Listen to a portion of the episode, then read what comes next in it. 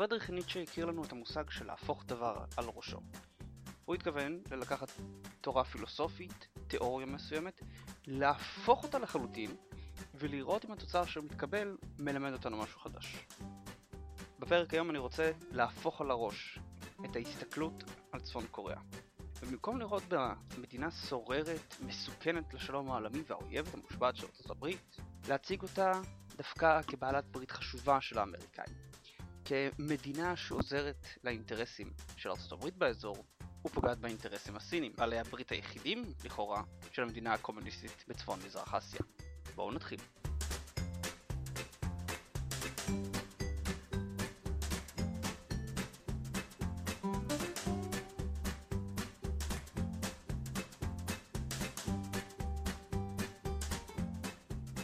ספטמבר היה החודש של צפון קוריאה.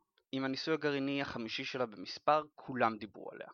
כל המומחים, כל העיתונים, כל אתרי החדשות, דיברו על צפון קוריאה כאיום הגדול של הומו העולמי. כולם דיברו על המדינה הסוררת, על הסיכון במלחמת העולם השלישית, על מתקפה גרעינית על ארצות הברית, ירי טילים על דרום קוריאה, הקצנה במזרח אסיה ובלה בלה בלה בלה בלה. אוקיי, דיברו המון על צפון קוריאה בתור איום ביטחוני. אבל כשאני מסתכל על צפון קוריאה, כשאני מסתכל על כל הדיבורים האלו, על צפון קוריאה כאיום, אני תוהה עד כמה יש בהם ממש. והסיבה שאני תוהה עד כמה יש בהם ממש, היא שצפון קוריאה לא מנוהלת על ידי אנשים מטורפים. כן, כן, היא בהחלט מנוהלת על ידי אנשים שההתנהלות שלהם אולי נראית טיפה לא שפויה, אבל זה חלק מהמשחק. ותרשו להסביר לכם. קים ג'ונג און הוא השלישי בשושלת קים ששולט בצפון קוריאה. העם שלו גוסס ברעב, בעוד שהוא עצמו נהנה מכל המטרות של החיים המערביים. יש לו יכטות, יש לו מטוסים פרטיים, יש לו אוכל טוב, בשמים, רכבת פרטית, אחוזות, הוא אוכל ומשמין ונהנה מהקוניאק הכי טוב שיש בעולם, בעוד שהאזרחים שלו צריכים לאכול דשא כדי לשרוד. אדם כזה לא הולך עכשיו לצאת באיזו מלחמה גרעינית, לתקוף את מעצמת העל היחידה בעולם, או להתחיל מלחמה קונבנציונלית מול דרום קוריאה, רק בשביל מה? האידיאל הקומוניסטי? הרי גם קים ג'ון גון יודע שהקומוניזם נפל. הוא לא מנהל את צפון קוריאה בשביל להוכיח את החזון הסוציאליסטי, בוודאי שהוא לא מנהל את צפון קוריאה בשביל רווחת התושבים שלו. הוא מנהל את צפון קוריאה מפני שאבא שלו הוריש לו את המדינה. הוא הוריש לו את המדינה כמו שסבא של מישהו אחר מוריש לו ארבע דירות. זה הרכוש שלו, זה העסק שלו, הוא מממן אותו. והדרך היחידה של קים ג'ונג און להבטיח שהעסק המשפחתי ימשיך להיות שלו, הוא לאיים על כל מדינה שתנסה להדיח אותו במתקפה גרעינית. זו הסיבה שלצפון קוריאה יש בכלל תוכנית גרעין. מאז שהתוכנית הזאת התגלתה, המשטר הצפון קוריאני השתמש בה בעיקר ככלי מיקוח מול המערב. המערב דרש שהצפון קוריאנים יפסיקו לפתח נשק גרעיני, הם בתמורה דרשו הקלה בסנקציות. קיבלו הקלה בסנקציות, הבינו שלהמשיך בהקלה של הסנקציות תפגע בהם, חזרו לפתח נשק גרעיני. חזרו לפתח נשק גרעיני, שוב המערב החזיר את הסנקציות. הסנקציות המשיכו להרחיב, הרחיבו יותר מדי, הפסיקו את, את, את המערך הגרמני וכן הלאה וכן הלאה. צפון קוריאה משתמשת בנשק גרעיני ככלי מיקוח, ככלי מינוף. ולכן כשמדברים איתנו על האיום הגדול של צפון קוריאה, איזה איום בדיוק? ברור שהקיום של מדינה סוררת עם נשק גרעיני הוא לא דבר טוב, יציבות. אבל מצד שני אנחנו לא מדברים פה על משטר שיסתכן בהתאבדות רק כדי לתקוף מדינה.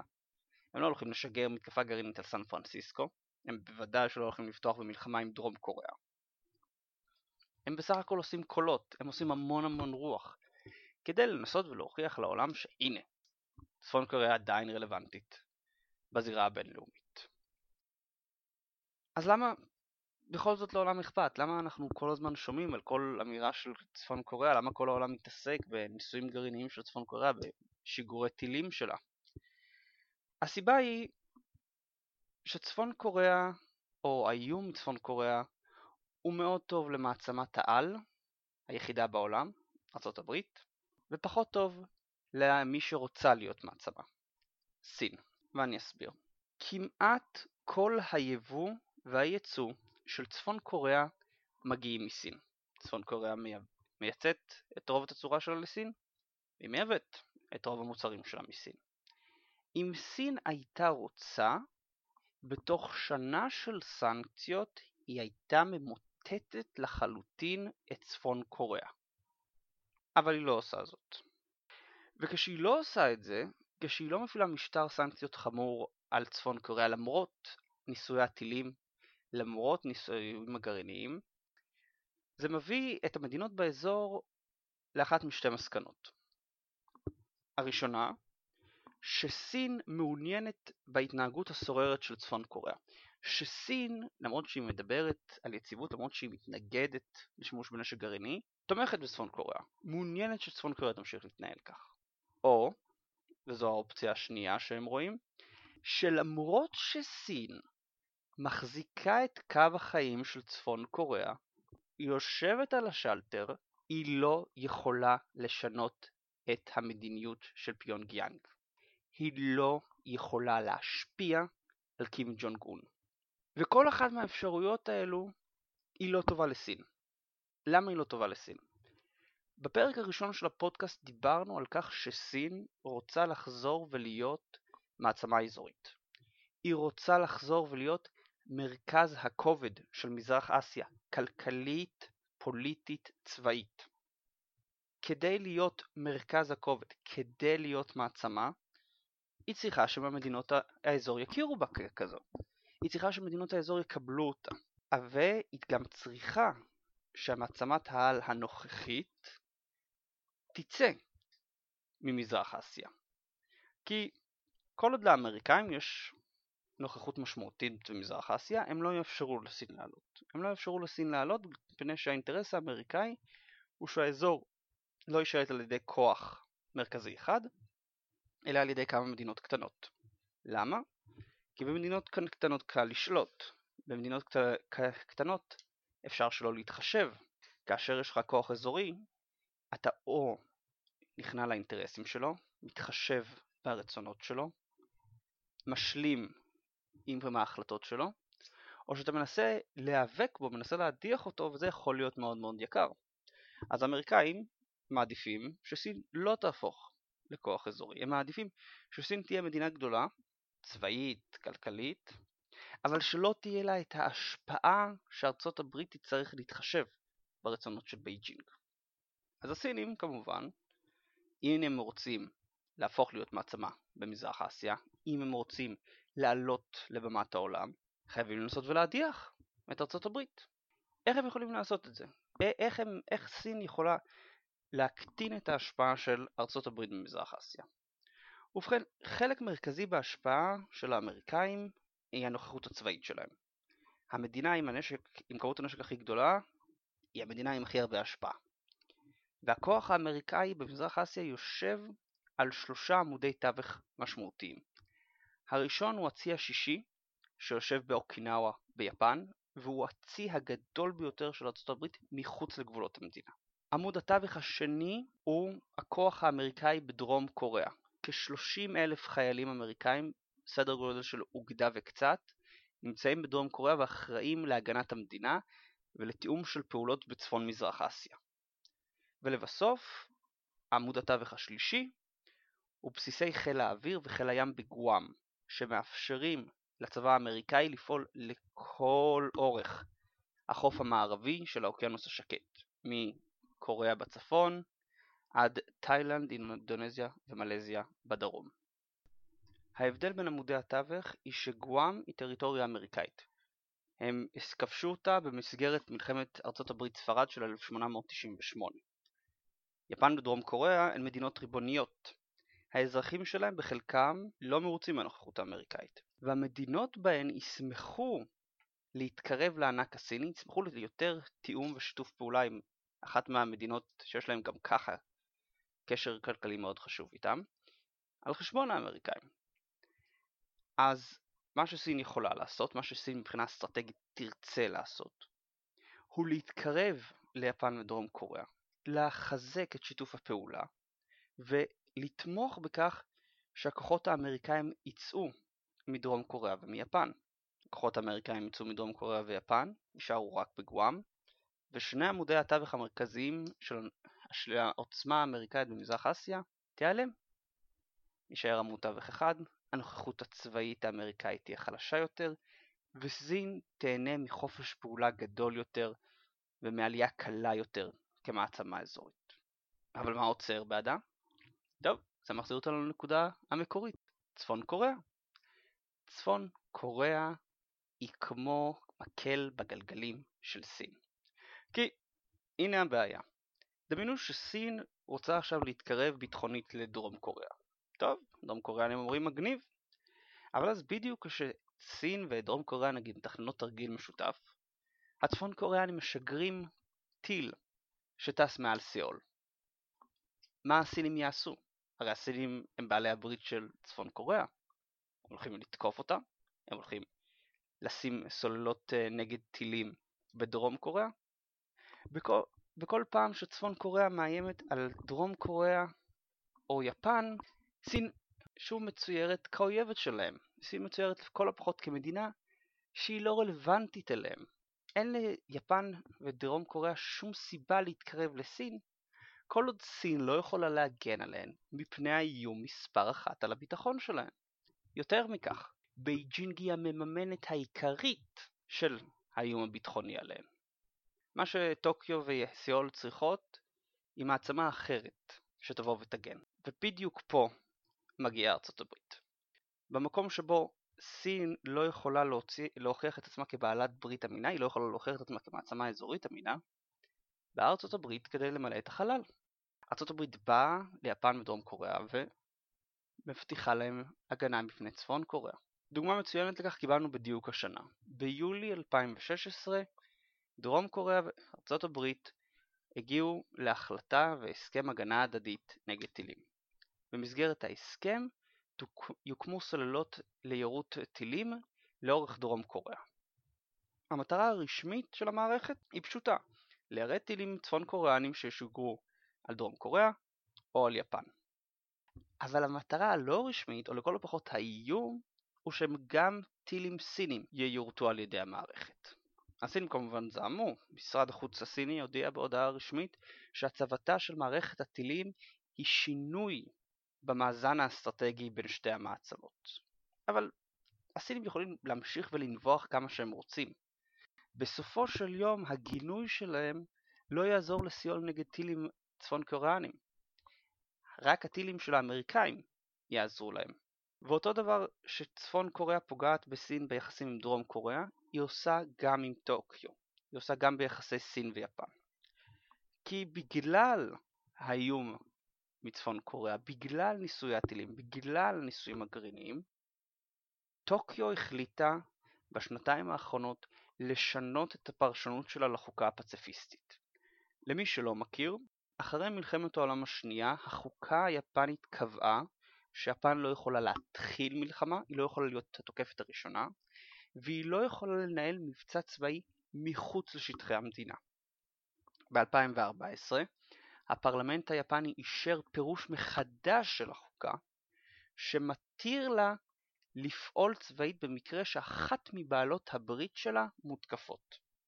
מה שזה אומר הוא שיפן, במקרה של מלחמה בין ארצות הברית לסין, תהיה שותפה פעילה במלחמה, גם אם הסינים לא יראו עליהם. אבל יפן לוקחת את זה עוד צעד. היא הגדילה את שיתוף הפעולה שלה עם הפיליפינים.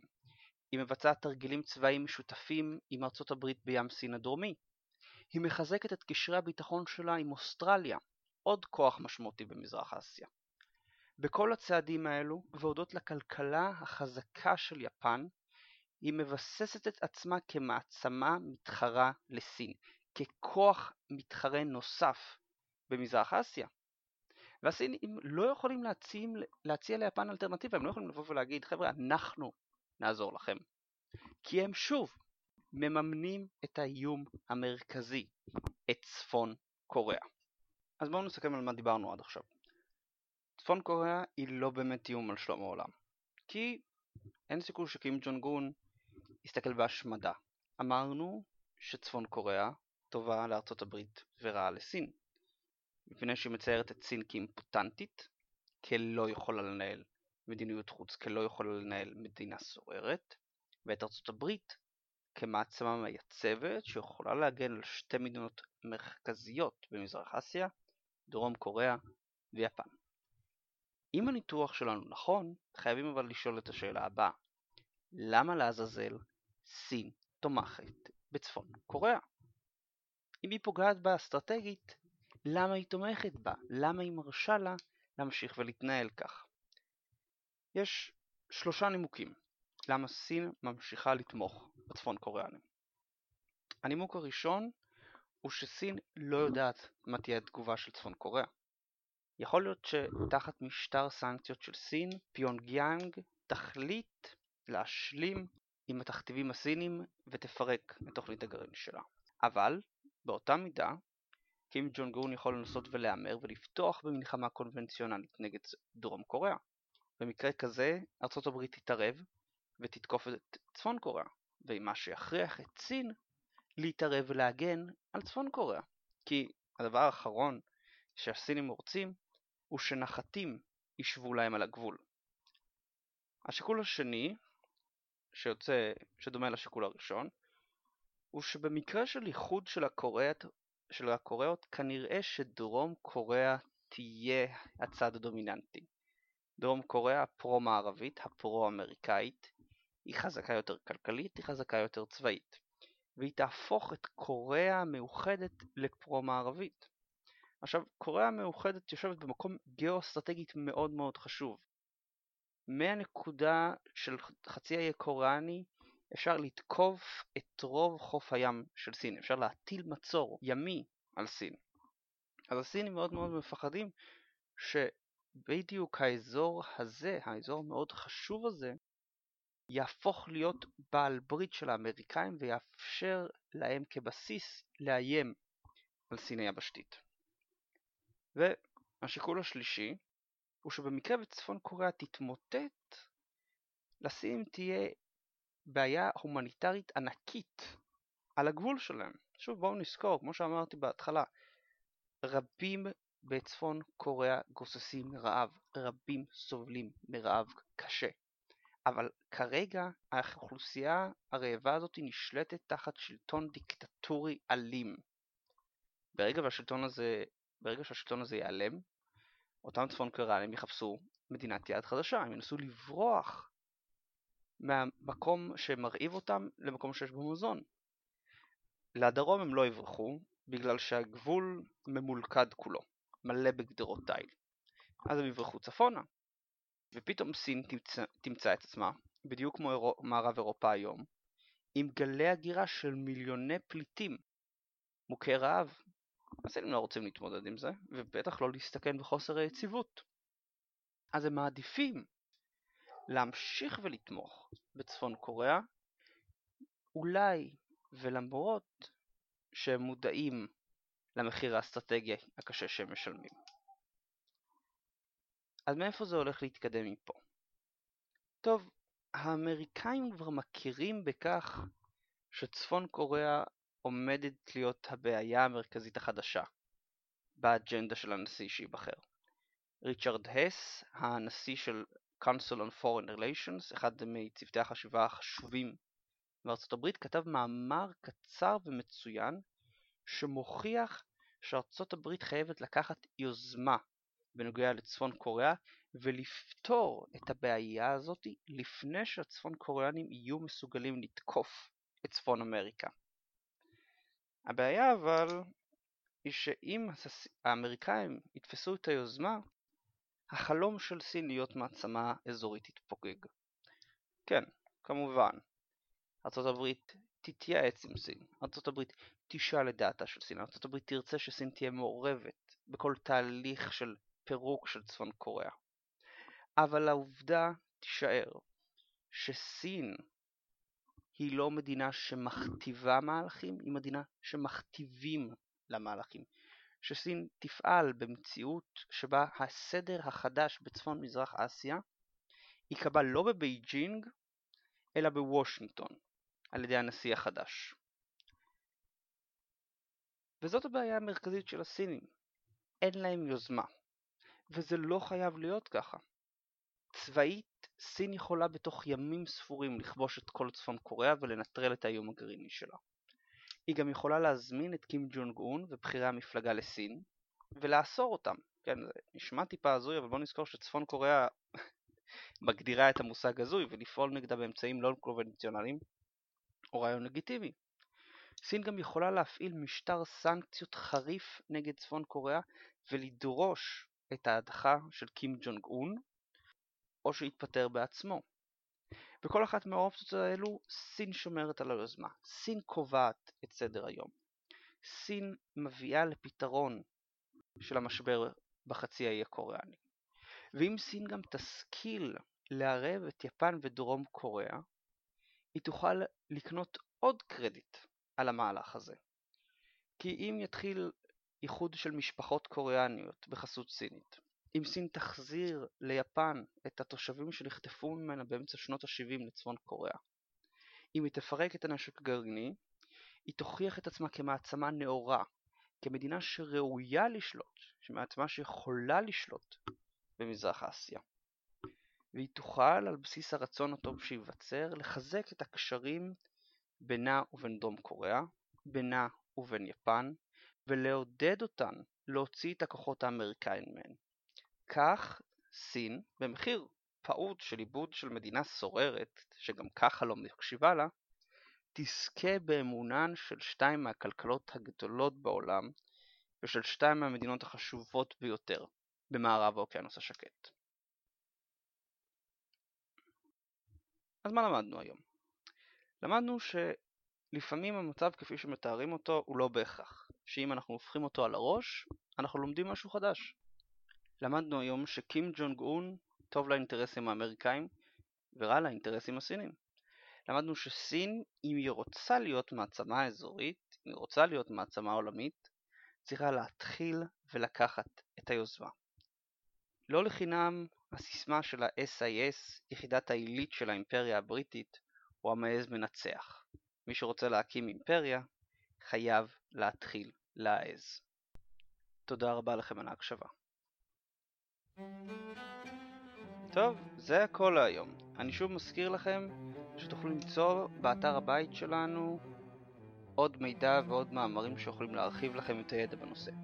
אני גם מזכיר שאם אתם מתעניינים בגיאופוליטיקה ורוצים להתעדכן באופן יומי, יומי, חפשו את המשחק הגדול בפייסבוק. הדף מתעדכן באופן שבועי או חצי שבועי במאמרים מעניינים שאני אוסף מהחדשות בעולם שמציגים סוגיות שלפעמים אנחנו מדברים עליהן בפודקאסט ולפעמים אנחנו עוקבים אחריו דרך הדף. שוב, אני מזמין אתכם לשמוע, לשתף ולספר לי האם מצאתם את הפודקאסט מעניין, האם הפרק טוב, לא טוב, מה הייתם מציעים לשפר. אני שמח תמיד לשמוע ביקורות ותמיד שמח לענות לשאלות. שוב תודה.